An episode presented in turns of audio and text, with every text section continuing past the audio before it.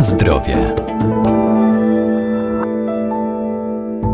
Dietą jest nasz styl życia. Nasze codzienne odżywianie powinna być ona odpowiednio zbilansowana i bogata w niezbędne składniki. Moda na zdrowy tryb życia spowodowała, że wiele osób zmienia swoje nawyki żywieniowe, wprowadzając różnego rodzaju sposoby żywienia. Dziś powiemy o zasadzie 80-20.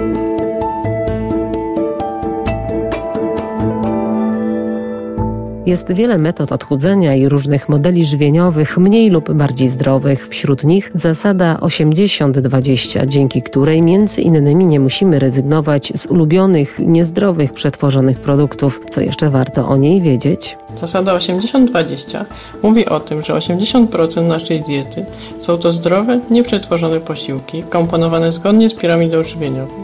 Natomiast 20% zostawiamy sobie na tak zwane przyjemności czyli niekoniecznie zdrowe produkty, wysoko przetworzone, których zazwyczaj sobie odmawiamy.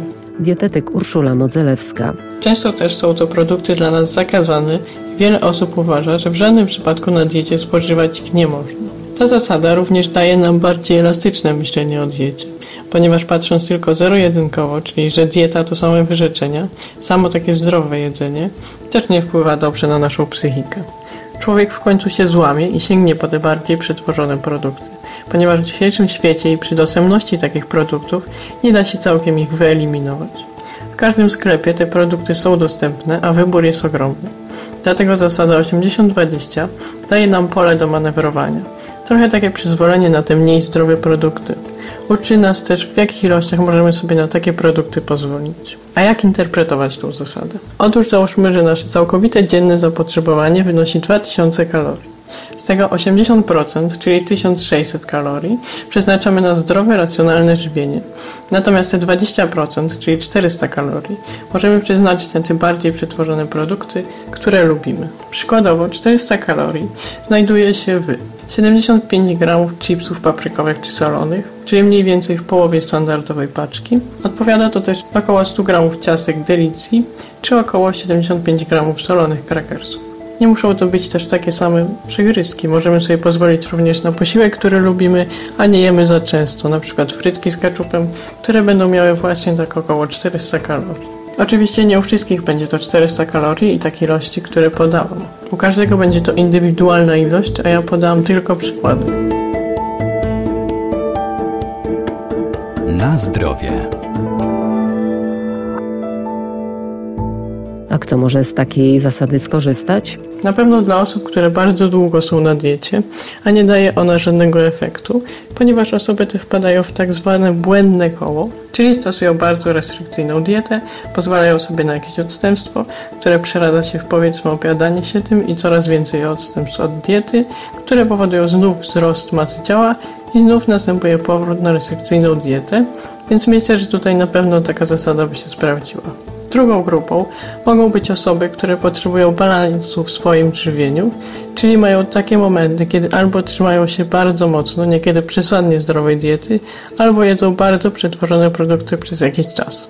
Tutaj ta zasada pomogłaby złapać balans, wplatając właśnie te bardziej przetworzone produkty do takiej codziennej zdrowej diety.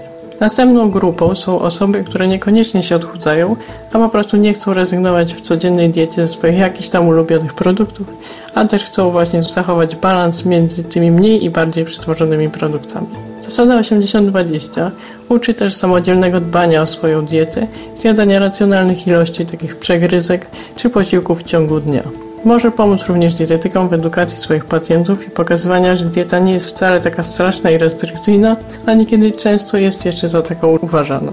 Dietetyk układając dietę może zostawić taką lukę w planowaniu posiłków, załóżmy na te 400 kalorii i właśnie dla inwencji pacjenta, na co będzie miał danego dnia ochotę, żeby sam liczył kalorie i uczył się w jakich ilościach może sobie pozwolić na takie bardziej przetworzone rzeczy. Podsumowując, Zasada ta moim zdaniem jest bardzo dobrą opcją, przede wszystkim dla naszej głowy i emocji. Zostawia takie przyzwolenie na produkty bardziej przetworzone, które lubimy i niekoniecznie chcemy się z nimi rozstawać na diecie czy w normalnym codziennym żywieniu, a chcemy też zachować umiar w jedzeniu ich. Pokazuje również, że nie warto dzielić produkty na białe i czarne, czy dobre i złe, tylko że na każdy produkt w codziennej diecie jest miejsce, lecz w odpowiednich ilościach.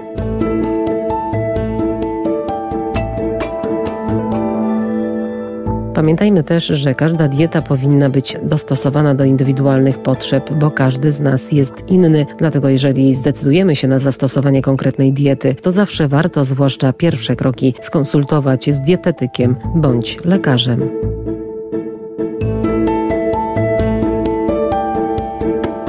Na zdrowie.